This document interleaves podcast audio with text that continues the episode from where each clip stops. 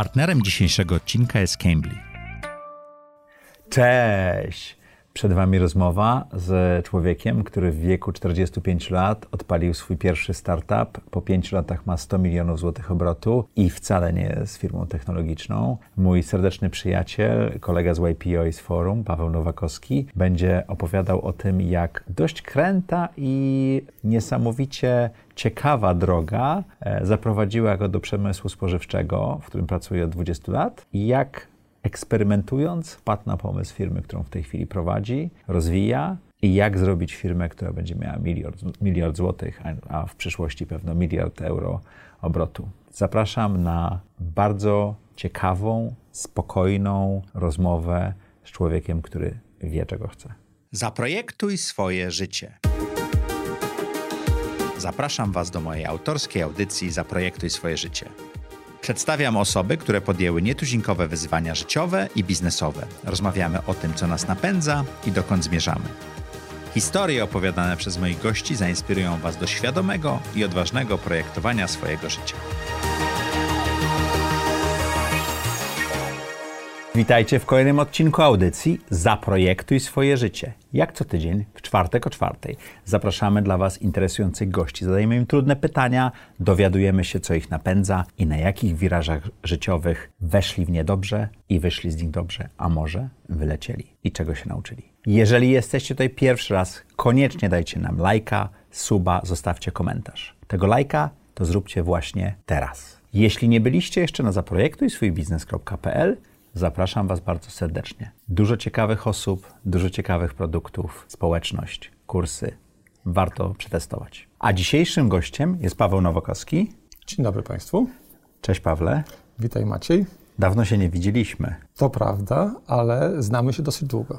To, pamiętasz, kiedy pierwszy raz się spotkaliśmy? Pamiętam, bo to była, to była taka e, niecodzienna okoliczność. Mhm. Dlatego, że po tym, jak Cię spotkałem i rozmawialiśmy przez 4 godziny, wiedziałem o wie, wiele o Twoim życiu. A gdzie to było? Spotkaliśmy się na forum IPO. Mhm. I ja miałem prezentację. Dokładnie tak. Tak, tak, to było. No, byliśmy kiedyś w forum, także dość dużo o sobie wiemy, więc to może wyjść albo nie. Zobaczymy, jak taka rozmowa wyjdzie nam. Pawle, masz w tej chwili biznes, który ma ponad 100 milionów złotych obrotu. Sam go zbudowałeś od zera i do tego dojdziemy za chwilę. A ja chcę zapytać Ciebie, jak projektowałeś do tej pory swoje życie? Nie projektowałem. Wiedziałem, że, e, że chcę osiągnąć e, sukces. Wiedziałem, że chcę robić fajne rzeczy. Próbowałem e, odnaleźć siebie, odnaleźć to, co lubię. A pamiętasz, kiedy zarobiłeś pierwsze pieniądze? Pierwsze pieniądze zarobiłem, pierwsze poważne pieniądze zarobiłem na giełdzie papierów wartościowych. O, opowiesz o tym? Jako dwudziestolatek zacząłem pracować e, w biurze maklerskim i to było takie wydarzenie, takie zdarzenie z mojego życia, które do tej pory pamiętam. To była moja pierwsza rozmowa kwalifikacyjna. Poszedłem szukać pracy, zainspirowany programem telewizyjnym o nowo powstającym rynku kapitałowym, mhm. gdzie człowiek w moim wieku, student... I to, był, to, była ta definicja sukcesu wtedy dla ciebie, tak? Wtedy jeszcze nie wiedziałem zupełnie, co chcę robić, mhm. bo to, mhm. była, to był okres y, takich totalnych zmian, zmian w gospodarce. To był 91 rok. Student w moim wieku mówił, że studiuje studiuję i pracuję w biurze maklerskim. E, w związku mhm. z tym ja niewiele wiedząc o tym, e, co robi makler, e, na czym polega praca w biurze maklerskim, też poszedłem i powiedziałem, że chciałbym pracować. Ale nie potrafiłem, nie potrafiłem odpowiedzieć na pytanie, a czy wiesz, na czym polega praca maklera? I nie, zostałem nie dostałeś tej roboty? I zostałem przyjęty. Nie wiedziałeś, co masz robić, zostałeś przyjęty? No, okazało się, że to nie jest skomplikowana Czyli praca. Czyli taki wilk z, z, z książęcej, tak? Nie z Wall Street. Troszeczkę tak, ale tak, tak wyglądała wtedy giełda. Okej. Okay. A co robiłeś? Prowadzałem zlecenia, y, zlecenia. To była taka praca, gdzie przepisywałem zlecenia papierowe mhm. do systemu, ale nauczyłem się dosyć szybko tego, na czym polega rzeczywiście y, praca na rynku kapitałowym. Zacząłem inwestować pieniądze na giełdzie. Nie miałem ich dużo, ale y, również bardzo szybko zrobiłem licencję maklerską, która spowodowała, że moje zarobki istotnie wzrosły. Ile wtedy zarabiałeś, pamiętasz? 4 miliony złotych Aha, miesięcznie. Czyli już byłeś milionerem, tak? E, już wtedy tak, bo wtedy... 4 miliony złotych to było 400 złotych chyba, tak? Dokładnie tak. Okej. Okay. Miesięcznie? Tak. To 4 miliony złotych brzmi Też pamiętam. Brzmi lepiej. A, aż się zdziwiłem, że pamiętałem, ile zarabiałem, jak, ile wynosiła moja pierwsza Jak długo pensja. pracowałeś w biurze maklerskim? Ty, bo ty pracowałeś w biurze maklerskim czy na giełdzie? Pracowałem w biurach maklerskich. Mhm. E, pracowałem w biurach maklerskich i pracowałem... Których banków? E, kilku banków, mhm. bo to był CDM PKS-a, później był Pomorski Bank Kredytowy, a później był Bank BPH. Jak już miałem licencję maklerską, mogłem, mogłem pracować, studiować i, i łączyć te dwie rzeczy. A czy ta praca ci pomagała, czy przeszkadzała w studiach? Praca nie była bardzo wymagająca, ale pomagała mi w studiach, tak. Bo co, miałeś lepsze zrozumienie biznesu? Wtedy jeszcze nie mogę powiedzieć, że miałem y, lepsze zrozumienie biznesu. Miałem lepsze zrozumienie rynku kapitałowego. Bo ty miałeś bardzo taką fajną drogę od, od różnych firm i tak dalej. Opowiesz o tym, co się działo później? Tak, pracowałem w funduszach inwestycyjnych e, wówczas, kiedy wdrażany był program e, e, Narodowych Funduszy Inwestycyjnych, mhm. program powszechnej prywatyzacji w Polsce. Czyli słynne NFI, tak? Tak, dokładnie tak. Tam nauczyłem się bardzo dużo. Byłem w kilkunastu radach nadzorczych, rzeczywiście dotknąłem inwestowania. Czyli ten rynek kapitałowy stał się twoją, twoją domeną? Tak, wówczas, wówczas nie wyobrażałem sobie funkcjonowania poza rynkiem kapitałowym. Mhm. Ja bardzo lubiłem inwestować, w związku z tym, z tym wiązałem swoje, e, z tym związałem swoją przyszłość. Przy czym e, moje życie potoczyło się nieco inaczej. W funduszach inwestycyjnych e, początkowo pracowałem na stanowisku analityka, później awansowałem. Później wraz z PZU tworzyłem firmę zarządzającą trzema funduszami inwestycyjnymi mhm. i tam zostałem członkiem zarządu. I to były takie, takie doświadczenia na wyższym szczeblu. Natomiast w momencie, kiedy odszedłem i miałem zakaz konkurencji, zacząłem zajmować się restrukturyzacją, wsparciem przedsiębiorstw w restrukturyzacji. I tak trafiłem i tak trafiłem do branży spożywczej, w którym zostałem przez kolejne już w tej chwili 20 lat. Początkowo była to firma Makarony Polskie, gdzie przez 10 lat z firmy, z podmiotu, który, który miał dosyć duże kłopoty finansowe. O, bo to jest świetna historia, jak ty zostałeś w tych makaronach, bo ty restrukturyzowałeś inną firmę, prawda? Restrukturyzowałem grupę, tak, restrukturyzowałem mhm. grupę. Dobrze pamiętasz, tak, Maciej? no jestem przygotowany. tak, rzeczywiście restrukturyzowałem firmę, która posiadała między innymi tą mhm. działalność makaronową.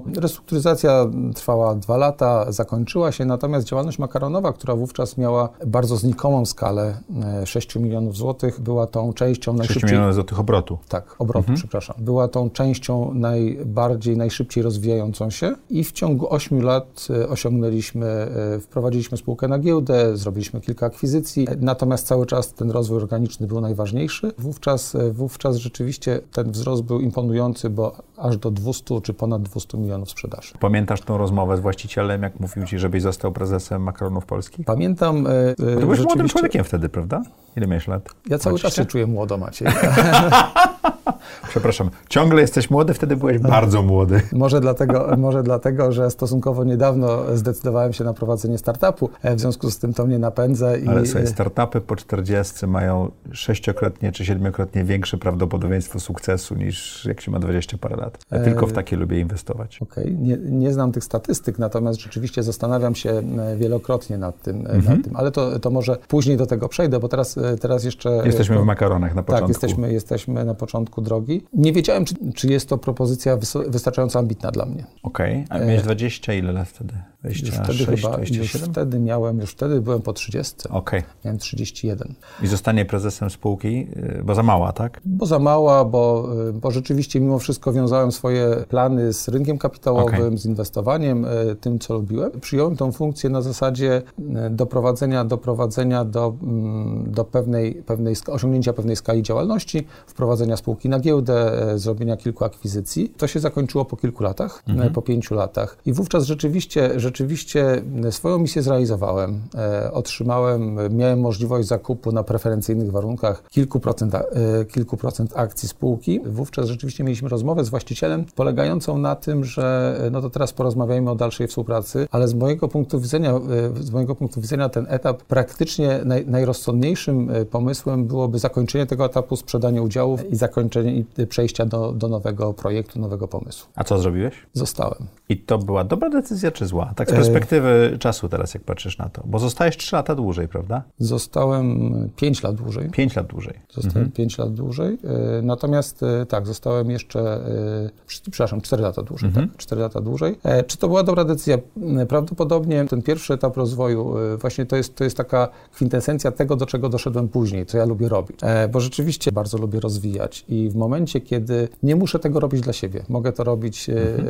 drugorzędne jest, kto posiada udziały e, czy ja jestem właścicielem, czy jest wielu udziałowców. Natomiast lubię budować i lubię to robić, e, lubię widzieć efekty. Nudzę się w momencie, kiedy, kiedy jest stagnacja, stabilizacja i nic się nie dzieje. W związku z tym rzeczywiście z tej perspektywy od tamtego momentu mieliśmy, to były trudne czasy, to był kryzys, to był kryzys gospodarczy. W związku z tym faktycznie ta defensywna polityka wówczas bardzo mnie męczyła i tylko nie wiem, czy w tamtym czasie mógłbym robić coś ciekawszego. Mhm. Na pewno się tego nauczyłem. Na pewno się nauczyłem czegoś, e, co mi później pomogło podejmować szybciej decyzje. Czego? Że jeżeli, jeżeli rzeczywiście nie nie widziałem e, perspektywy rozwoju, bo na przykład nie, nie mieliśmy zgodności co do, co do strategii rozwoju. Co do, e, Właściciele i zarząd. tak, decydenci, decydenci. Decydenci i ty, tak? I ja, to wówczas rzeczywiście nie było sensu kontynuować tej współpracy, bo na pewno ja się męczyłem, a pewnie oni ze mną. Jak takie rozmowy się odbywają? No bo ty masz jakiś pomysł na spółkę, jesteś szefem zarządu i teraz jest pytanie pewno, czy wypłacić dywidendę, czy przeznaczyć zyski na rozwój i tego typu dyskusje, prawda? To jest trudne, prawda? Jak, jak masz pomysł na coś i, i, i, jakby związane ręce? To nawet nie chodziło o wypłatę czy, czy więcej dywidendy, to mhm. było bardziej, bardziej były kwestie tego, czy ryzyka związane e, z kolejną ekspansją, czy kolejnymi inwestycjami, czy to były organiczne, czy mhm. akwizycjami, są uzasadnione przy, przy określonych, okay. w określonych warunkach. E, w związku z tym rzeczywiście e, być może na taki, w takich sytuacjach osoby, które lepiej sobie radzą, e, hmm. radzą w zarządzaniu stabilnym biznesem niż ja. A to jest zupełnie inny skillset też. Zbudowanie biznesu to jest co innego niż później e, taki farming, takie siedzenie i pilnowanie, żeby to wszystko działało. No ja, tak. ja, też tak odkrywam to w sobie. Dokładnie tak, dokładnie tak. Dlatego, dlatego ja się w tym nie sprawdzam. Mnie, mnie takie biznesy takim... nudzą, ciebie rozumiem dokładnie też. Dokładnie tak. Cambly to platforma do nauki języka, dzięki której opanujesz płynnie angielski, rozmawiając jeden na jeden z native speakerami. Spersonalizowany system nauczania opracowany przez zespół Cambly pozwoli Ci osiągnąć kolejne cele w nauce angielskiego. Dopasowane do Twoich indywidualnych potrzeb kursy, takie jak angielski dla biznesu, konwersacje czy przygotowanie do egzaminu, sprawią, że nauka będzie ciekawa i angażująca. Dzięki intuicyjnej aplikacji mobilnej i lekcjom na żądanie uczysz się w dogodnym dla Ciebie miejscu i czasie. Już dziś zacznij naukę z Cambly dzięki darmowej 15-minutowej lekcji. Skorzystaj z 20% zniżki na plan miesięczny z kodem ZTZ. Szczegóły znajdziesz w opisie odcinka. Rozstałeś się z makaronami polskimi. Jako prezes spółki giełdowej zrezygnowałeś. Co było później? Później przez kilka lat pracowałem w Igloteksie. Mhm. E... Czyli też spółka spożywcza. Jako członek zarządu. Tak, to spożywka towarzyszy mi cały czas. Od tamtego, mhm. od, od 2003 roku do teraz. A to zupełnie inny biznes, bo makarony polskie to głównym takim tymi lewarami to były ceny zboża, prawda, które dawały lub nie dawały zyskowność i kontrakty wynegocjowane. W Igloteksie miałeś e, zupełnie inny biznes, bo tam były olbrzymie magazyny, które były mrożone, prawda? Inna logistyka, rzeczywiście inna logistyka, ale, A model, ale biznesowy, model biznesowy? Model biznesowy e, też nieco inny, natomiast Iglotex, e, Iglotex był rzeczywiście dystrybutorem, ale również producentem. Mhm. Iglotex posiadał wówczas pięć zakładów produkcyjnych, więcej kategorii produktowych, począwszy od, e, od e, owoców, warzyw, frytek, e, dań gotowych, takich produktów garmażeryjnych. No i takim wówczas hitem była pizza, która... która mrożona. Mrożona pizza mhm. i chłodzona pizza. Produkty convenience, które, które zaczęły się wówczas bardzo szybko rozwijać. Czego cię ta zmiana nauczyła? Bo to było tak przejście z, po ośmiu latach w makaronach, dziewięciu, do zupełnie nowego biznesu, też do nowej roli, bo bardziej komercyjnej. Jaki to był, jak, jaka to była lekcja, czy też jakie to były wrażenia, jak wchodziłeś do tego nowego setupu? To była dużo większa firma, mhm. E, firma o przychodach ponad miliard złotych. To była firma, której istotną rolę odgrywał fundusz inwestycyjny. To, była też nowe, to było też nowe doświadczenie, z którego, z którego e, nauczyłem się, jak podchodzi fundusz już tak operacyjnie, a nie tylko książkowo. Fundusz e, private equity. Prywatni e, właścicielowie versus fundusz PI to jest zupełnie inna metoda myślenia o, o tej spółce, prawda? To prawda, to prawda. To był e, taki układ, e, w którym trudno było powiedzieć, kto ma większą, więcej do powiedzenia, bo to był układ 50 na 50. W związku z tym... Czyli founderzy mieli 50 i fundusz miał 50, tak? Dokładnie tak? tak. Było to tarcie troszeczkę innej wizji, natomiast, natomiast ciekawe doświadczenie, również interesujące, interesujące projekty, interesujące interesujące sukcesy. Tam nie było, nie było projektów akwizycyjnych, ponieważ mhm. Iglotex wcześniej zrealizował bardzo dużo akwizycji, bardzo dużo zainwestował, w związku z tym była to kwestia uporządkowania i poprawy efektywności tej struktury. Czyli strawienia tego, co zostało wzięte z rynku, tak? Dokładnie tak. I te, te, ten, ta efektywność, ta efektywność się poprawiła. Mhm. To, było, to było stworzenie brandu, który, który w tej chwili jest na rynku z kilkunastu produktów tak zwanych markowych, które, które Iglotex posiada w swoim portfelu po licznych organicznych, organicznym tworzeniu brandów i akwizycjach. I poprawa efektywności w momencie, kiedy jest dużo, jest stosunkowo prosta. W związku z tym mhm. to też był taki projekt, który musiał się zakończyć sukcesem. Branża spożywcza jest generalnie trudną branżą, bo tam masz duże wahania surowców, relatywnie y, niskie marże. To prawda. Prawda? I, i, i też y, taką niepewność. Teraz mamy wojnę, która zupełnie zmieniła y, tą sytuację. Jak sobie radziłeś w takim biznesie, gdzie no, no, koszt pieniądz, koszty operacyjne były super ważne, koszt pieniądza był super ważny i tak dalej. Bo to nie jest taki prosty biznes, masz 60% marży i wszystko wychodzi, nie? Jak popełnisz błąd, to cię to nie kosztuje. To tutaj, tutaj każda, każdy drobiazg się liczył, prawda? Tak, to prawda. Każdy drobiazg, tak, rzeczywiście to, to, były, to jest biznes, y, gdzie sprzedaje się duże wolumeny, duże wolumeny kupuje surowców y, i oczywiście... Kontraktuje oczywiście, do przodu. Tak, oczywiście to jest tu kwestia, kwestia kontraktacji, kwestia y, różnych czynników, które, które trzeba wziąć pod uwagę. Może nie zastanawiałem się nad tym szczegółowo, bo to był taki biznes, który był podobny do poprzedniego, do każdego mhm. spożywczego. Czyli rozumiałeś to? E, czyli rozumiałem to dokładnie, rozumiałem to, potrafiłem tym zarządzać. Oczywiście, oczywiście jest zawsze kwestia wyboru, czy jak się zabezpieczamy, a, a które ryzyka firma bierze na siebie. A czy te rynki kapitałowe cię nie ciągnęły, albo chęć zmiany branży? Czy jak już stwierdziłeś, że ta branża jest, na, na niej się znasz, to w niej siedzisz? Trochę mnie ciągnęły, trochę mnie ciągnęły. I? Trochę inwestowałem samodzielnie, mhm. ale to mi nie, trudno mi było to połączyć, bo, bo mimo wszystko, e, mimo wszystko takie podejście do, do inwestycji giełdowych, Zdecydowanie, e, zdecydowanie inny charakter e, krótkoterminowych inwestycji zupełnie nie korespondował z funkcją top menadżera w dużej, w dużej firmie, nie było czasu, która, myśli, która musi myśleć jednak długoterminowo, e, gdzie decyzje dzisiaj podejmowane e, będą miały wpływ za rok, dwa i trzy. A. I miałem taki dysonans, e, w jaki sposób budować to moje, to, w jaki sposób się przygotowywać do, do, tych moich zadań, z jednej strony inwestowania, z drugiej strony zarządzania firmą. Przez to, że to miały było, zupełnie różną perspektywę, Dokładnie prawda? tak, dokładnie tak, tak. Dokładnie ta inna perspektywa stanowiła trudność i rzeczywiście inwestycje były takie bardziej sporadyczne. Po Igloteksie y, zbliżyłeś się do przemysłu rybnego, dobrze pamiętam? Tak, ale to wówczas, wówczas to był taki projekt, też projekt restrukturyzacyjny. Mhm. Wówczas... Znaczy poszedłeś naprawiać biznes u kogoś. Dokładnie, dokładnie tak i to, był, y, i to był już projekt czasowy, ponieważ po Igloteksie doszedłem do wniosku, że, że chyba chciałbym troszeczkę inaczej, troszeczkę inaczej budować tą, tą swoją przyszłość, albo przynajmniej odpocząć od korporacji. A skąd taki wniosek? Czy to wynikało z tych relacji z funduszem i tak dalej? To coś ci to, dało? To, to, była taka, taka historia, gdzie rzeczywiście e, po, ilo, po Igloteksie odbyłem kilka rozmów kwalifikacyjnych na nową pozycję. I coś mi nie grało. Miałem taki problem. Ale z y, tą firmą czy ze sobą? W każdej rozmowie coś mi nie grało, coś mi nie korespondowało pomiędzy moimi oczeki oczekiwaniami, a nawet ciekawymi, a ciekawymi wyzwaniami. Czyli twoje miałem oczekiwania tak bardzo się zmieniły? Takie miałem wewnętrzne przekonanie, że nie tego chcę. I trochę... A potrafiłeś to zdefiniować? Właśnie miałem kłopot, żeby to,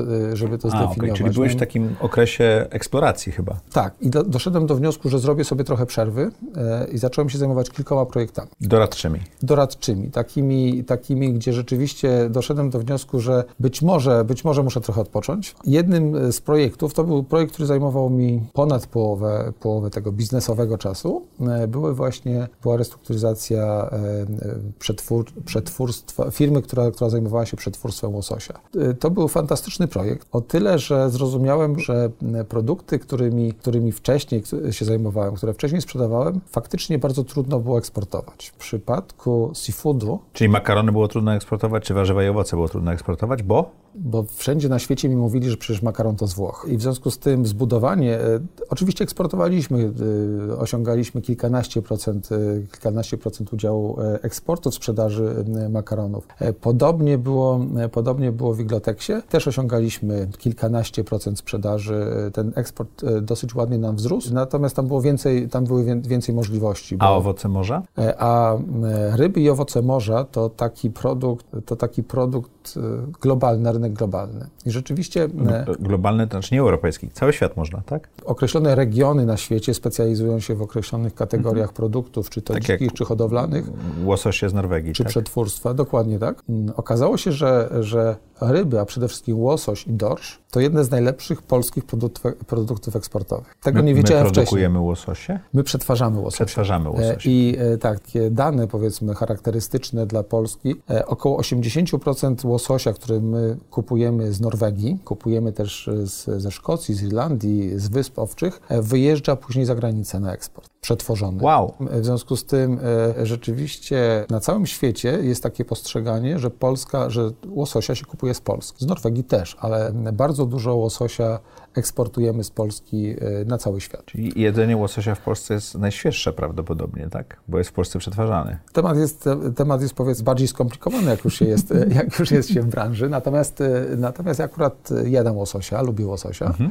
E, lubię w ogóle ryby i owoce morza. Natomiast dlatego pewnie jestem w tej branży również. To czego cię nauczył ten, znaczy to miałeś kilka projektów, ale czego nauczył cię ten projekt, że zdecydowałeś się założyć firmę później? Ten projekt mi pokazał segment, segment rynku, który... Niewidoczny dla ciebie przedtem? Którego wcześniej nie widziałem, mhm. ponieważ e, wcześniej, kiedy, wcześniej miałem propozycję, propozycję zajęcia się przetwórstwem rybnym czy mięsnym, ale to były, to były takie segmenty, które mnie mniej interesowały mhm. i gdzie mówiłem, że nie mam kompetencji, nie mam kompetencji w tym zakresie. E, natomiast ten projekt restrukturyzacyjny, który był z założenia krótki, po, po, pokazał mi, pozwolił mi dostrzec e, właśnie taki rynek, czy niszę, nie wiem, czy to można nazwać niszą, biorąc pod uwagę, że to, że to jest tak, tak wysokowolumenowy produkt. Natomiast rzeczywiście y, dostrzegłem potencjał w rynku, w eksporcie i y, to, to mnie bardzo, to mi, to mi się zawsze bardzo podobało, mhm. ponieważ nigdy nie, znaczy nie uważałem, nie uważałem, że e, podmiot konkurencyjny, podmiot z branży spożywczej można stworzyć tylko i wyłącznie w oparciu o rynek polski, który jest mimo wszystko stosunkowo mały.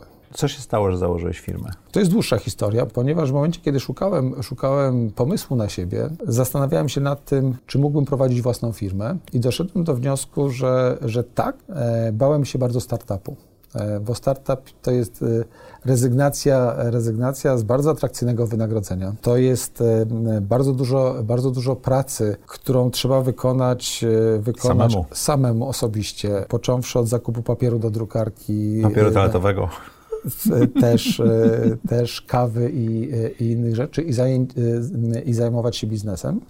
To są ryzyka tego, że dobry biznesplan, świetny biznesplan, który przygotujemy, się nie zrealizuje i ten okres, okres, kiedy nie zarabiamy, się wydłuży. W pierwszym okresie zacząłem poszukiwać, zacząłem poszukiwać, zaangażowałem kilka, kilku przyjaciół i zaczęliśmy poszukiwać biznesu do restrukturyzacji, który moglibyśmy mhm. kupić. Wydawało mi się to prostsze.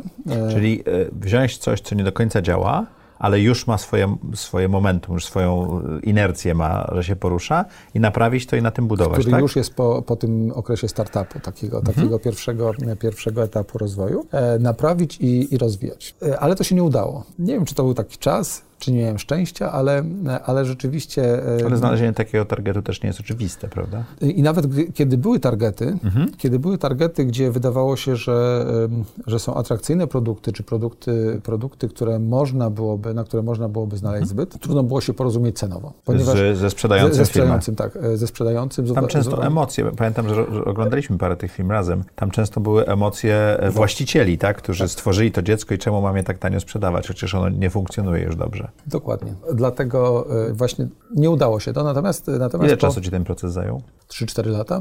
I w tym czasie też doradzałeś innym firmom, prawda? Dokładnie tak. Czyli ty miałeś taki okres poszukiwania pomysłu na biznes i na siebie trochę. E, tak.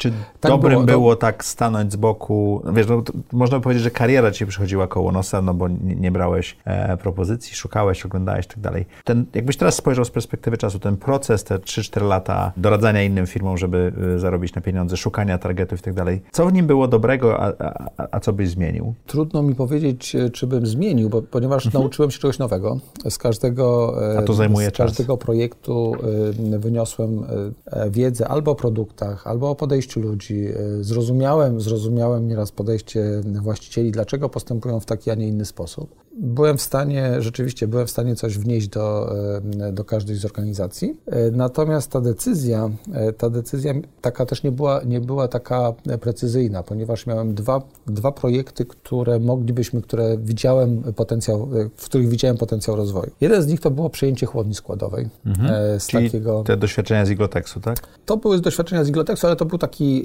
biznes, który, który właściwie sam się kręci, jak już, mhm. się, jak już się ma. Czy powiedzmy niedużo trzeba nie, nie, ma, e, nie wymaga bardzo dużo nakładów, chyba że, chyba, że buduje się kolejne, kolejne chłodnie, kolejne podmioty. To był bardzo dobry okres, natomiast no niestety, niestety nie wygraliśmy licytacji. E, ktoś inny kupił biznes. Ktoś inny kupił ten e, kawałek biznesu z, upad, z upadłego dużego przedsiębiorstwa. Mhm. Ktoś inny kupił całość, a my całości nie byliśmy w stanie wówczas kupić i zarządzać. Doszedłem do wniosku, że po takiej analizie plusów i minusów i oczywiście z bardzo dużym, dużą obawą, doszedłem do wniosku, że jeżeli jakiś startup ma wyjść, to powinien wyjść w takim projekcie, w takim produkcie, który, e, który jest rzeczywiście e, wysokowolumenowy, gdzie gdzie możemy dosyć szybko osiągnąć dużą skalę. Bo skala gwarantuje bezpieczeństwo tego startupu. Bo skala gwarantuje, gwarantuje że masa marży generowana mhm. E, będzie w stanie pokrywać koszty i to, czego się obawiałem, będzie w stanie szybciej pokrywać koszty i to, czego się obawiałem, czyli ten, to obniżenie standardu życia w związku z odejściem, e, z odejściem ze stałego zajęcia, czy z porzuceniem stałego zajęcia na rzecz startupu, będzie mogło się zrealizować. Aczkolwiek, aczkolwiek podziwiam, podziwiam ludzi, którzy, którzy angażują się od zera pomysły, które, gdzie, ten, gdzie ten okres y, do y, osiągnięcia zwrotu jest dużo dłuższy. No, potrafi być dekadę i dłużej. No tak, to chyba nie wiem dlatego, czy bym się sprawdził y, w nowych technologiach czy IT, gdzie właściwie mhm. nieraz, nieraz podmiot, który jest już sprzedawany po 10 latach inwestycji, cały czas przynosi straty. Na przykład sklep internetowy Frisco, który miałem okazję analizować na etapie tworzenia, przez wiele, wiele lat nie przynosił dochodu. Pandemia była takim pierwszym momentem, kiedy Frisco zaczęło na zielono się świecić. Dokładnie tak, mhm. dokładnie tak. Wówczas y, nie znaleźliśmy się w gronie udziałowców tego, tego przedsięwzięcia mhm. na początku. Jakkolwiek, jako, y, jak jeszcze byłeś w y, Jeszcze byłem w, w, w, Nie, nie, nie. To byłem, już, już wtedy byłem e, w restrukturyzacji tego podmiotu makaronowego. Rzeczywiście moje założenie co do startupu było takie, że od początku chcemy mieć zysk, czyli od pierwszego roku e, i to się udało. A skąd pomysł na nazwę? E, właśnie nazwa była bardziej, bardziej do tego drugiego biznesu chłodni składowej. A, czyli założyłeś spółkę pod zakupienie chłodni składowej, Dokładnie tak? tak. Przy czym... Y, y, Pawła firma nazywa się Frizco, nie mylić z Frisco. Właśnie, ze sklepem. ale, rozumiem, ale, to, to, to... ale rzeczywiście, rzeczywiście nasz brand, nasz brand produktowy to jest Better Fish. Better I on. Już, bardziej, już jest bardziej oczywisty. Okej, okay. może trzeba nazwę spółki tam dostosować. Nie ma znaczenia. Tak, tak, tak. Czyli założyłeś spółkę, zrobiłeś to i stwierdziłeś, że zdecydujesz się wskoczyć na głęboką wodę, czy też wyskoczyć z samolotu bez spadochronu, szyjąc go w chmurach, tak? Oczywiście nie zrobiłem tego sam, ponieważ e, mam partnera finansowego. Środki inwestowane e, w ten biznes są duże, ale to w kapitał obrotowy. E, natomiast mam partnera Im, im bardziej firma rośnie, tym więcej kapitału obrotowego tak. potrzebuje. I mam i od początku, od początku miałem partnerów, którzy znali się na tym biznesie, byli w stanie wesprzeć mnie w tych kluczowych elementach związanych e, z zakupem, przetwórstwem i sprzedażą e, produktów. Czyli postanowiłeś nie wchodzić sam, tylko zbudowałeś sobie zespół. Tak. Do, Jak dobrałeś wspólników? Jedno, jedna z najważniejszych rzeczy, nie zawsze mhm. ten dobór osób się udaje. Nam wyszło bardzo dobrze, bo zarówno ze wspólnikiem e, finansowym działamy już ponad 5 lat i nie mieliśmy żadnych istotnych problemów we współpracy. Drobne są ważne, bo, bo też dają, stwarzają szansę wypracowania i zrozumienia i zrozumienia i wypracowania e, wspólnego poglądu, e, mhm. poglądu na dalszy rozwój. Nie miałem też e, żadnych istotnych problemów z naszymi, ze współpracą z tymi kluczowymi partnerami. Budujemy firmę w taki sposób, żeby, że kluczowe osoby też są działowcami. O, Czyli jeżeli ktoś przychodzi do Ciebie do pracy i e, staje się kluczowym pracownikiem, to zostaje udziałowcem? Na początku było, było to łatwiejsze, bo było nas mniej. Mhm. E, dzisiaj już jest trudniejsze, e, bo trudniej jest, rzeczywiście trudniej jest w tej chwili, nie możemy mieć samych menadżerów, musimy mieć mhm. również osoby które, osoby, które wykonują te najbardziej podstawowe, podstawowe zadania. Ale na początku tak budowałeś zespół, tak? Na początku mówiliśmy sobie o celach, mówiliśmy sobie o zadaniach i rzeczywiście, rzeczywiście z tymi zadaniami umówiliśmy się, że, że te kluczowe osoby, które przyniosą określone wartości do mhm. firmy i będą, e, dla, mnie, e, dla mnie również jedną z bardzo istotnych elementów była, była spójność poglądów na rozwój, bo, bo trudno być... E, A co to znaczy spójność poglądów na rozwój? Na rozwój, rozumiem, w jakim kierunku będziemy się rozwijać? Z makaronów, z tych dyskusji, które miałeś i z dyskusji z funduszem, które miałeś się nauczyłeś, podobna, prawda? Podobna postawa, to znaczy chodzi, chodziło, mi o to, chodziło mi o to, że jeżeli nie będziemy mieli dokładnie tego samego, te, te, podobnych poglądów co do tego, w, jakim kierunku, w jakich kierunkach się rozwijać, jak szybko, jak. Nie chciałem mieć wśród udziałowców, wśród tych kluczowych partnerów osób, które najpierw bym musiał miesiącami przekonywać co do, co do pewnych, pewnych działań, a później zastanawiać się, czy na pewno ich działania e, czy są na pewno spójne. dają, czy da, dokładnie, czy są mhm. spójne, czy, czy rzeczywiście są zaangażowani, są zaangażowani w to, żeby, żeby tę firmę zbudować w sposób taki, jak, e, jak ustaliliśmy. Ale to chodzi o poziom ryzyka, czyli nie za szybko, czy nie za wolno, czy to, co masz na myśli mówiąc o, o tym, wiesz, o my, wspólnym myśleniu o rozwoju firmy? Bardzo wiele elementów, bo to mhm. jest, to jest taki A powiesz moment, trochę? Na początku naszej działalności, gdybym powiedział, że chcemy w ciągu pięciu lat osiągnąć 100 milionów przychodów, to nie wiem, czy bym w ogóle z kimś się porozumiał, bo, bo, ponieważ pomyśleliby, że wariat. A z wariatami nie pracuje, tak? Dokładnie. I teraz A taki miałeś cel? Ja zawsze, zawsze przedstawiałem te cele ambitne, ale takie, które, które wydawały mi się, że są e, akceptowalnie ambitne. Mhm. Rzeczywiście e, nie chciałem mieć takich problemów, że osiągnęliśmy 20 milionów przychodów, wynagrodzenia mamy już całkiem przyzwoite i w związku z tym, no to, e, to, na to po co nam, to mamy, mamy pięć osób w organizacji i, i działajmy sobie tak E, do emerytury, a później zobaczymy. To nie jest twój cel. To nie jest mój cel. I to nie jest cel twoich wspólników. To też nie jest cel moich wspólników mhm. i w mhm. taki sposób chciałbym dobierać e, nie tylko wspólników, ale też e, kluczowe osoby do organizacji. Właściwie wszystkie osoby w organizacji chciałbym, żeby, żeby miały takie cele pro, prowzrostowe, prorozwojowe. Czyli szukasz ludzi ambitnych. Tak, aczkolwiek to też niesie za sobą pewne ryzyka, ponieważ, mhm. ponieważ rzeczywiście ostatnio się nauczyłem tego, że odeszły dwie osoby z firmy. Bo były bardziej ambitne niż wasz wzrost? I odeszły bardzo szybko, bo po, po kilku miesiącach pracy, ponieważ dostały wyższe stanowiska. A ja nie byłem w stanie im zapewnić na tym etapie wyższych stanowisk, ponieważ one były już zajęte.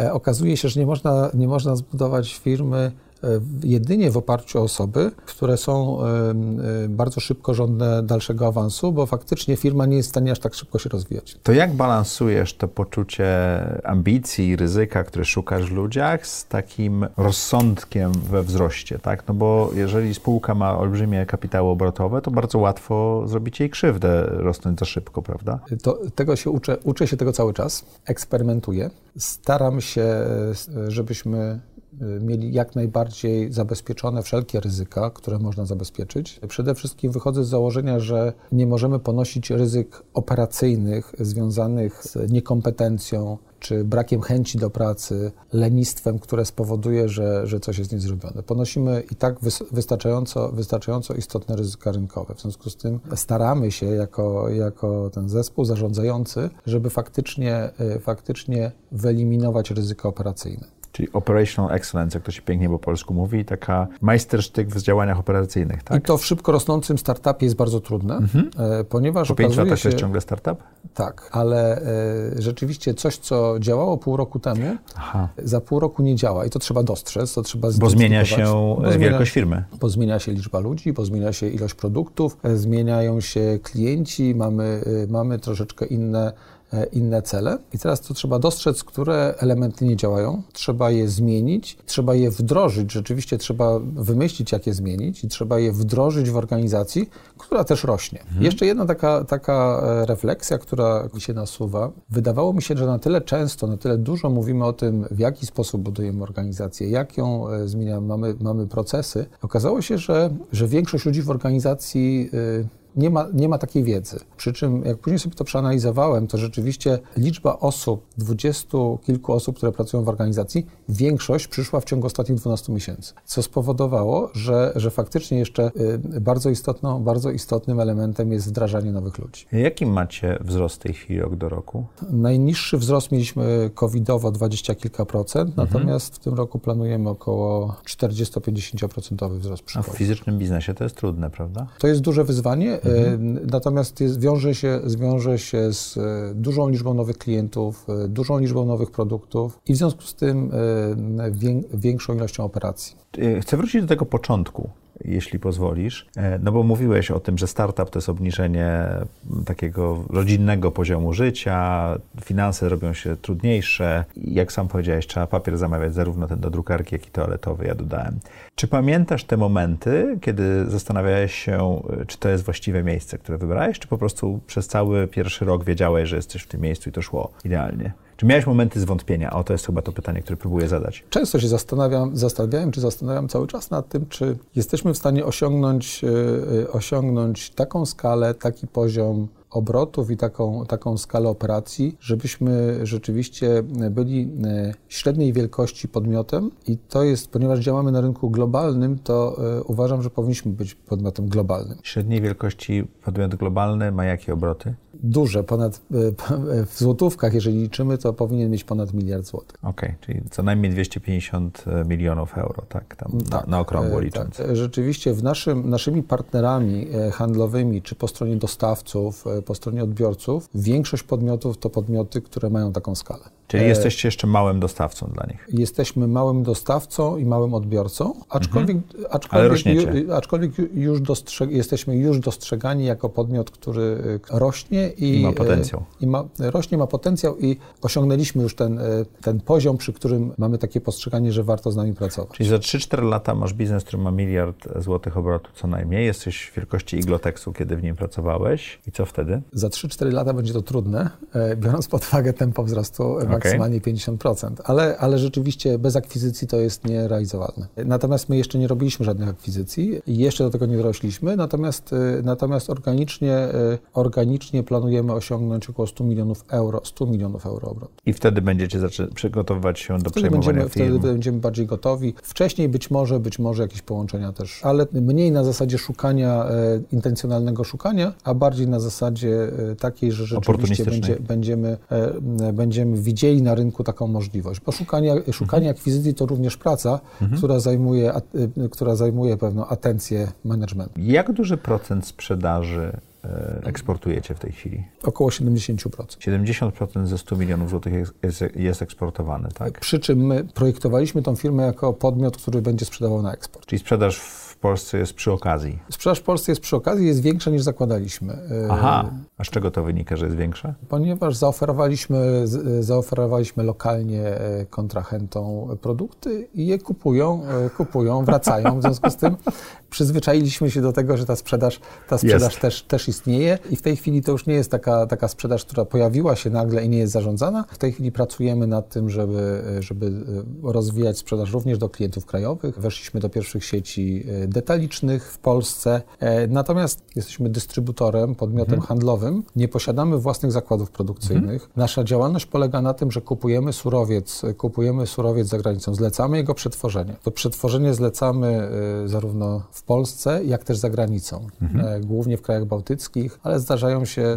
nawet takie bardziej egzotyczne e, miejsca przerobu. E, Na przykład? Serbia. E, nieoczywiste dla, dla łososia, który mhm. jest z Norwegii. Twój biznes tak naprawdę polega na łączeniu producentów, firm przetwarzających z ostatecznymi odbiorcami. Tak, to, to może jeszcze tak z takiego strategicznego punktu widzenia. Dzisiaj istnieje dosyć duża nadwyżka mocy produkcyjnych przetwórczych w Polsce. W Polsce, w Polsce krajach bałtyckich. Z czego to wynika?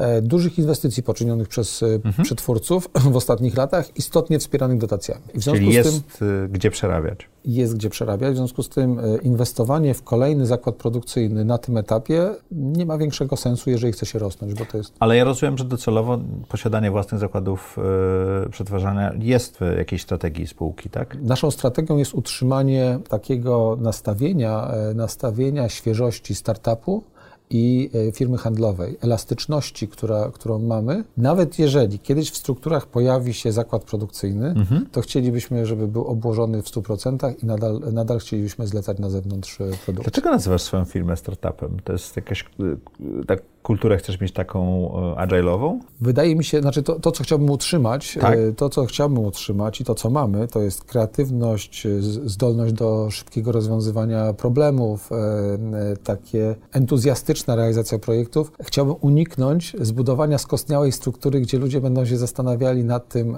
kto jest ważniejszy, kto... Chciałbym uniknąć takich problemów typowych korporacji. I dojrzałych tak jest, przedsiębiorstw, prawda? I dojrzałych przedsiębiorstw, ale nie wiem na ile to będzie możliwe. E, Ale jak najdłużej e, da się to utrzymać, tak chcesz zrobić, tak? To zapewnia dwie rzeczy. To jedna rzecz, że to jest, y, to jest efektywniejsze, kiedy, y, kiedy ludzie są skoncentrowani na tym, w jaki sposób, kiedy zespół, cały zespół jest skoncentrowany na tym, y, jak rozwiązywać konflikty i problemy zewnętrzne, A nie wewnętrzne. wewnętrznie, wewnę, a, a nie tworzenie wewnętrznych. Drugi element, że w takiej firmie mam wrażenie, że jest taki większy duch kreatywności i lepiej się pracuje. Staramy się nie budować skomplikowanych struktur. W tej chwili mamy już 35 osób na liście płac. Sta- Staramy się budować y, zespoły projektowe do wdrażania, wdrażania nowych, większych tematów. I chciałbyś utrzymać tą kulturę organizacyjną jak, jak najdłużej ad infinitum, E, jeżeli się uda, tak? Tak, eksperymentujemy z różnymi rozwiązaniami. Tutaj y, w większej strukturze, w większej strukturze pojawia się też, pojawiają się te konflikty, tak? To się, te, te- tego się nie da uniknąć. No, pracujemy z ludźmi. Staramy się też wesprzeć narzędziami. Oczywiście nastawienie jest, e, jest jedną rzeczą, ale staramy się też wesprzeć e, dodatkowymi narzędziami współpracę, a nie tylko konkurowanie, które na początku było też bardzo efektywnym e, narzędziem e, budowania rynku. Konkurowanie wewnętrzne. Mhm. A czy jak masz handlowców, którzy ze sobą konkurują o wynik i coś, cokolwiek, to napędza, ale jak firma robi się większa, to zaczyna być destrukcyjne, tak? E, tak, bo na pewnym etapie rozwoju zbyt dużo osób może konkurować o, o ten sam kawałek tortu. W związku z tym e, Mhm. To na początku inaczej, jest świetne, bo tych kawałków jest więcej niż jesteś w stanie skonsumować, później staje się problemem, tak? Tak, i na przykład mamy taki system, mamy taki system rocznego bonusu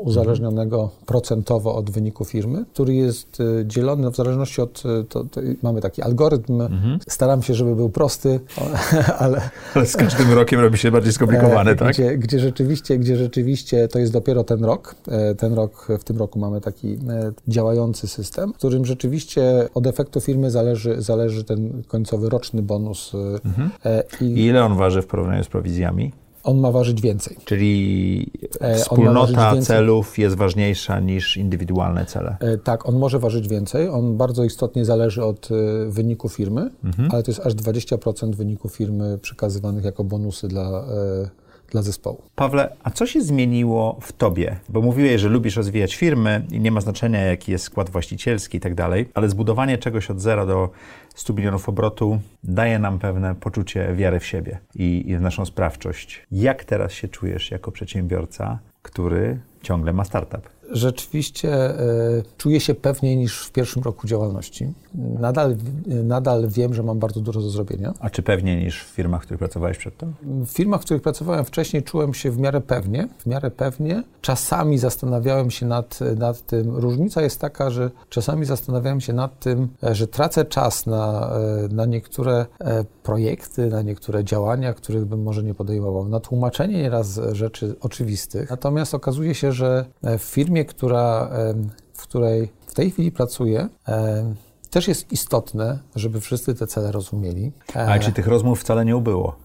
żeby, żeby się identyfikowali z tymi celami. I rzeczywiście aż takiej, aż takiej różnicy pomiędzy zarządzaniem firmą, w której mam więcej udziałów e, niż miałem kiedyś, bo, czy, czy nie miałem w ogóle, w, na, na, na tej płaszczyźnie nie ma. E, zastanawiam się nad tym, nie, nad czym się nie zastanawiam. Nie zastanawiam się nad tym, czy e, moja misja się wyczerpie za, za rok czy dwa Okej. rozważam, e, jeżeli, jeżeli ona się wyczerpie na stanowisku prezesa zarządu, to mogę się widzieć jako członek Rady Nadzorczej, a, a działalność operacyjną oddać osobom bardziej kompetentnym. To, w jaki sposób to postrzegam? Daje, znaczy w tej chwili daje mi to taką większą pewność finansową, większą satysfakcję, satysfakcję z tego, że nie jest to e, projekt, w którym dzisiaj osiągam dobre wyniki, w związku z tym dobrze zarabiam, ale jutro być może będę się zastanawiał nad kolejnym projektem. Przez pierwsze lata działalności y, dosyć dużo poświęciłem czasu prywatnego, który Okay. Normalnie w, w przedsięwzięciach, którymi zarządzałem, miałem na, hmm. na życie prywatne, sport, swoje hobby. To wszystko zaparkowałeś na czas e, pierwszych lat e, spółki, prawda? Na tak, na te, w tej chwili uczę się, uczę się od nowa. E, uczę się od nowa. mieć czas wolny. Mieć czas wolny, więcej czasu spędzać, spędzać z innymi. Mhm. Tworzę, natomiast rzeczywiście... Przyjść do audycji. To prawda i przyjść do audycji, ponieważ Maciej, pamiętam, że zapraszałeś mnie dwa lata temu. Mhm. Przez dwa lata czekaliśmy na Ale wtedy miałem mniej do powiedzenia. Teraz uważam, że jeszcze to nie jest to, to, to nie jest jeszcze czas, to nie jest jeszcze czas, w którym powinienem występować. Ale przyjdziesz, jak będzie ten miliard euro obrotu. Euro jeszcze, chociaż, chociaż jeszcze miliard, na, chociaż miliard złotych, dobrze? Jeszcze nie jestem na takim etapie e, miliarda euro, ale rzeczywiście, rzeczywiście staram się e, robić również inne rzeczy, ponieważ mo, bardzo mocno e, zafiksowałem się na, e, na budowaniu e, firmy. Natomiast Czyli czy ten work-life balance ci się przekrzywił? Przez pierwsze trzy lata I próbujesz w tej tak. chwili go prostować? Próbuję, próbuję. Czy to jest trudny proces? To znaczy, jest jeszcze rzecz, z której korzystam, a mhm. mianowicie, o której nie mówiłem jeszcze w tym, bardziej niż kiedyś, bo ja bardzo lubię podróżować. To jest e, i podróżuję w ramach, e, w ramach naszej działalności. Rzeczywiście e, podróżuję po różnych, w tym egzotycznych miejscach. Ale podróżujesz biznesowo, dodajesz sobie turystyczną część do tego? Na początku podróżowałem tylko biznesowo i nie miałem mhm. czasu właśnie na tą część, na tą część. Czyli leciałeś, załatwiałeś spotkanie i wracałeś, tak? Obecnie, obecnie staram się dodać jeden, jeden a czasami dwa dni, szczególnie w dalszych podróżach. Stąd to Chile, o którym mówiłeś, tak? Chile jeszcze nie odwiedziłem, ale bym chciał. Okay. Ale taka najbardziej egzotyczna podróż, e, która mi się zdarzyła, to Arabia Saudyjska na, mhm. na przykład. E, I to jest wtedy wizyta handlowa, gdzie tam robisz, ale oprócz tego dodajesz sobie... To są targi, a to są dodatkowe, dodatkowe elementy. Akurat Arabia, e, Arabia Saudyjska była o tyle ciekawa, że targi się zaczynały o 18. W związku, mhm. z tym, w związku z tym było dużo czasu... W ciągu dnia. W ciągu dnia. Oczywiście trzeba było wytrzymać 40, 40 stopni mhm. temperaturę lub wstawać o 4 rano, żeby, żeby jeszcze jeszcze właśnie w tej, e, te, tej temperatury takiej wysokiej nie, nie zażywać. To jest akurat absolutnie, absolutnie rzecz, która mnie też odrywa od takich standardowych, mhm. standardowych obowiązków e, związanych e, z budowaniem biznesu. To, Czyli w takiej podróżach dodajesz sobie kilka dni dla siebie? Staram się dodawać. A czym różni się dodaje od staram się dodawać? Bo nie zawsze się udaje. A czemu się nie zawsze udaje? Oczywiście bo, dlatego, dlatego, że obowiązki wzywają, jak podróży jest za dużo, jak podróży jest za dużo, to cie, trudno to operacyjnie jest nie jesteś w firmie, e, To tak. trudno, trudno jest dodać. Robię drobne kroczki e, mhm. w tym kierunku, to znaczy e, ustalam, że mam co, co najmniej jeden wyjazd prywatny w miesiącu, że mam dużym, dużym postępem było to, że rozszerzyliśmy ostatnio zarząd. Jeszcze nie mam, jeszcze jeszcze nie ma efektów, bo to jest od 1 lipca, ale, e, ale to mimo wszystko zarząd już nie jest jednoosobowy i to nie jest... Czyli podpisywanie to, wszystkich kwitów nie leży tylko na tobie? Zawsze można, można dać pełnomocnictwo, ale chodzi, o, mhm. chodzi o, taką, e, o taki realny podział obowiązków, w tym, e, tym trochę nie tylko obowiązków, ale trochę władzy. Jak się z tym czujesz, oddając władzę? To jest kwestia, to jest kwestia też pracy nad sobą. Bo, Bo zyskujesz czas wolny, czy też trochę y, swobodę myślenia, ale tracisz y, poczucie władzy. Ja się dobrze czuję z oddawaniem władzy. To robię od dłuższego czasu. Y, mhm. Bardziej jest to kwestia tego, czy, czy wszystko zostanie zrobione tak, jak ja bym to zrobił i tak, jak bym chciał, żeby to było zrobione. A jeżeli ja popełnię błąd, no to zawsze, zawsze to sobie jakoś wytłumaczę.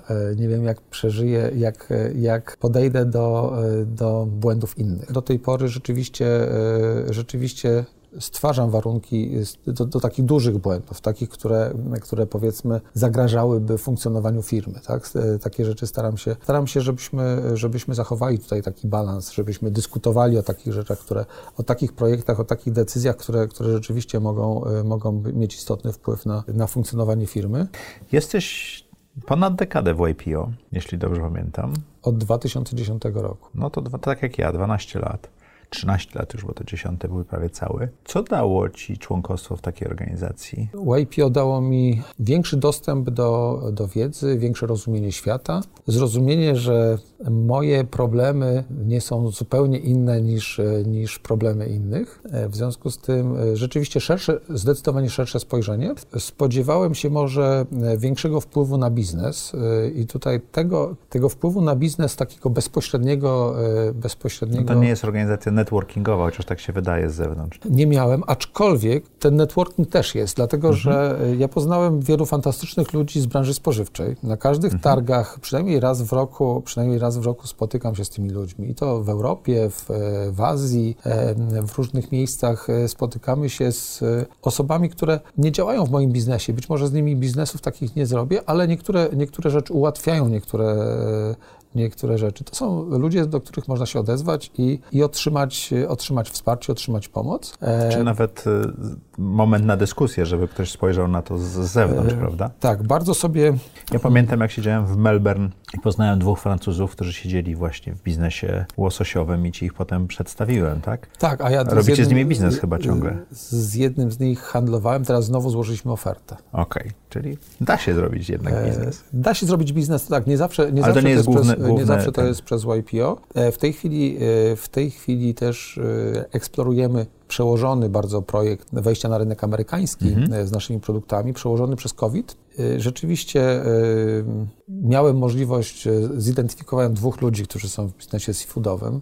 Nie wiem, czy zrobimy biznes teraz, czy kiedyś, czy w ogóle zrobimy biznes, ale to jest zawsze, zawsze jest punkt zaczepienia, jest taki punkt zaczepienia, można porozmawiać z ludźmi, którzy, którzy rzeczywiście też są w YPO. To, co mi dało, to, co mi jeszcze dało, to myślę, że ja jestem e, z natury człowiekiem, który nie lubi o sobie, o sobie mówić. E, mhm. Jestem e, z natury zamknięty, ale dało mi większą otwartość. Mam mniejszy problem, żeby mówić o sobie, żeby, żeby dzielić się problemami, problemami z innymi. To, I to też, to też czasami pomaga. Pawle, w audycji Zaprojektuj swoje życie mamy taki moment, kiedy przechodzimy do takiej sekcji, którą nazywamy trudne pytania nawet mamy taki hashtag.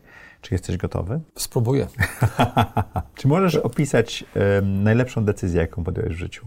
Było ich dużo. A ta jedna najlepsza, która ci przyszła pierwsza do głowy, to?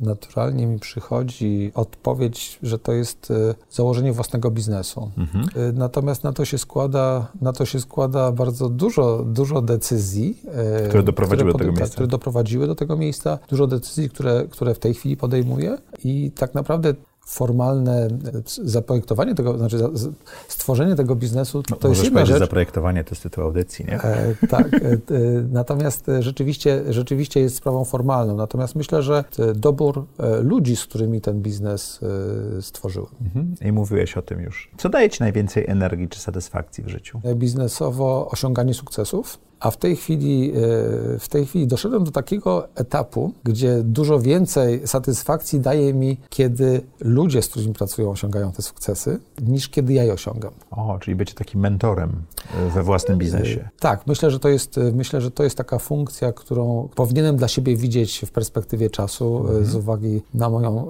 na moją już dojrzałość biznesową. Jesteś ciągle Jakkolwiek młody. młodo się czuję. Tak, tak. Czy możesz opisać swój typowy dzień? Mm, nie lubię wcześniej wstawać. Mhm. Do biura, jak nie muszę wcześniej, docieram e, w okolicach godziny dziewiątej.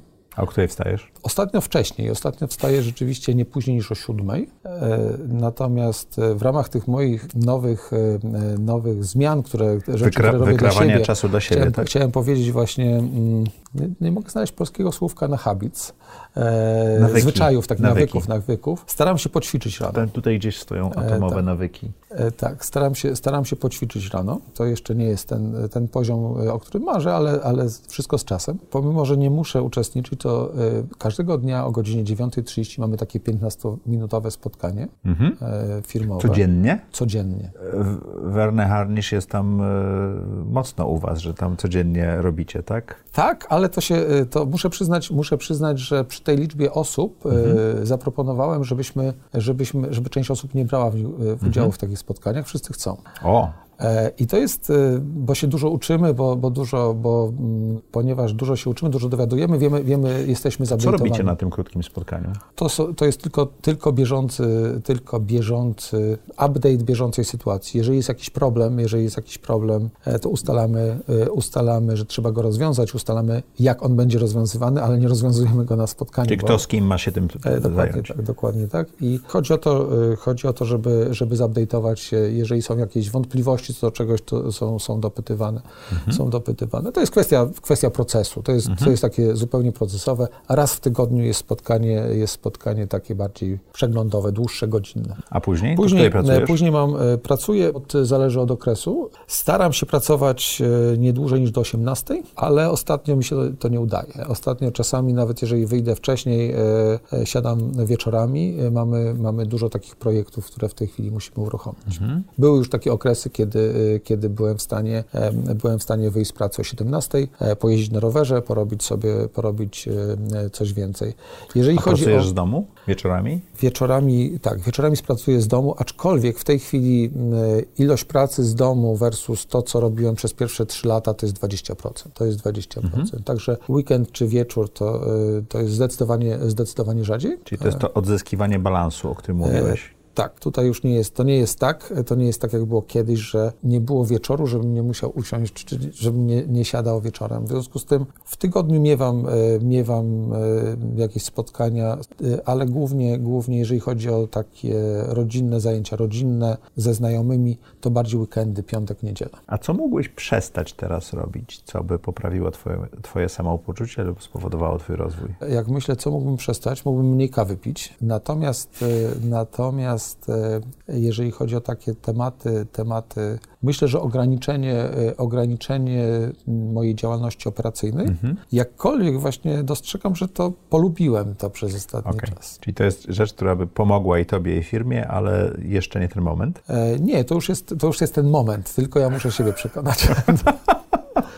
No dobrze. Jaką masz supermoc? Którzy nazywają to kreatywnością, mhm. niektórzy optymizmem. Nie ma takich rzeczy, gdzie, gdzie uważam, że nie mamy z nich wyjścia, albo nie ma, nie ma rozwiązania, czy nie ma innego rozwiązania, nie ma dobrego rozwiązania. To jest tak, że, że zawsze, y, zawsze uważam, mhm. że ja lub ktoś inny znajdzie dobre rozwiązanie z trudnej sytuacji. Trzy rzeczy, które chciałbyś robić za trzy lata to? Próbuję szukać misji y, w tym naszym, w tym, w tym co robimy. Y, próbuję y, zastanawiać się nad tym, oczywiście staramy się sprzedawać dobre produkty z dodatkową, z określoną wartością dodaną. Natomiast ostatnio odkryłem, interesuję się takimi startupami z obszaru foodtechów.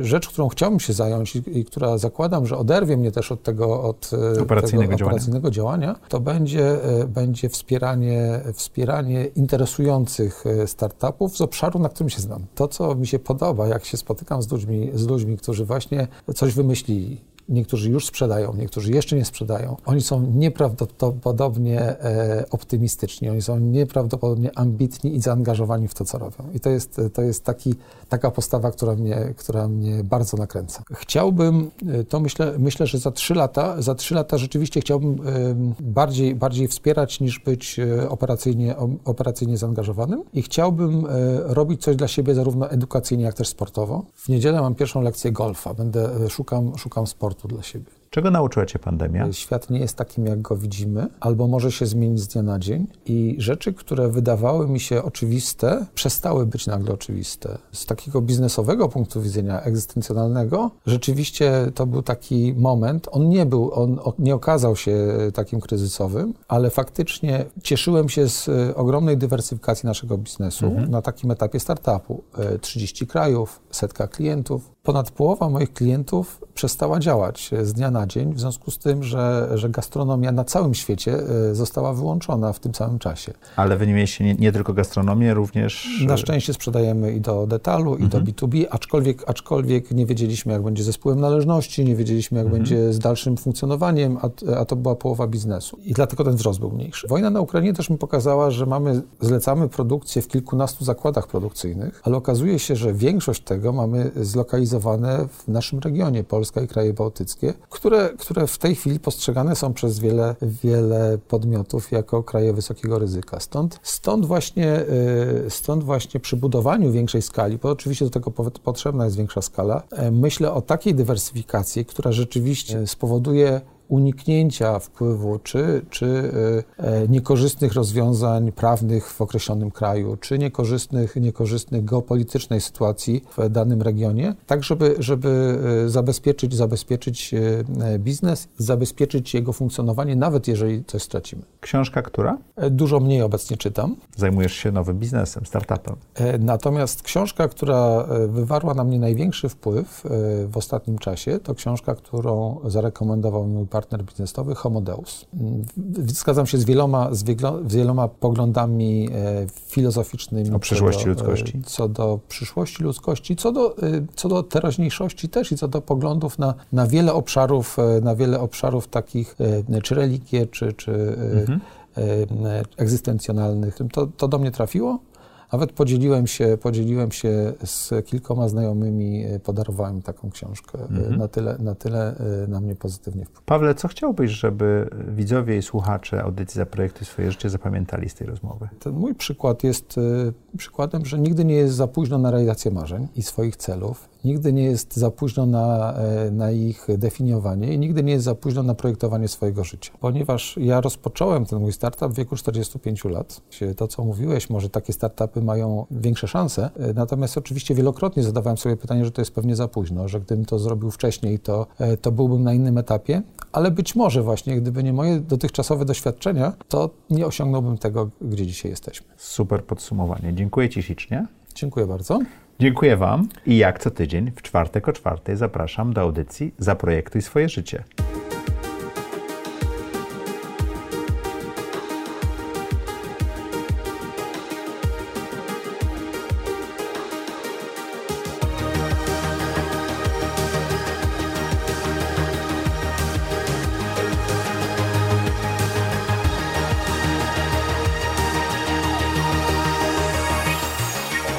Zaprojektuj swoje życie.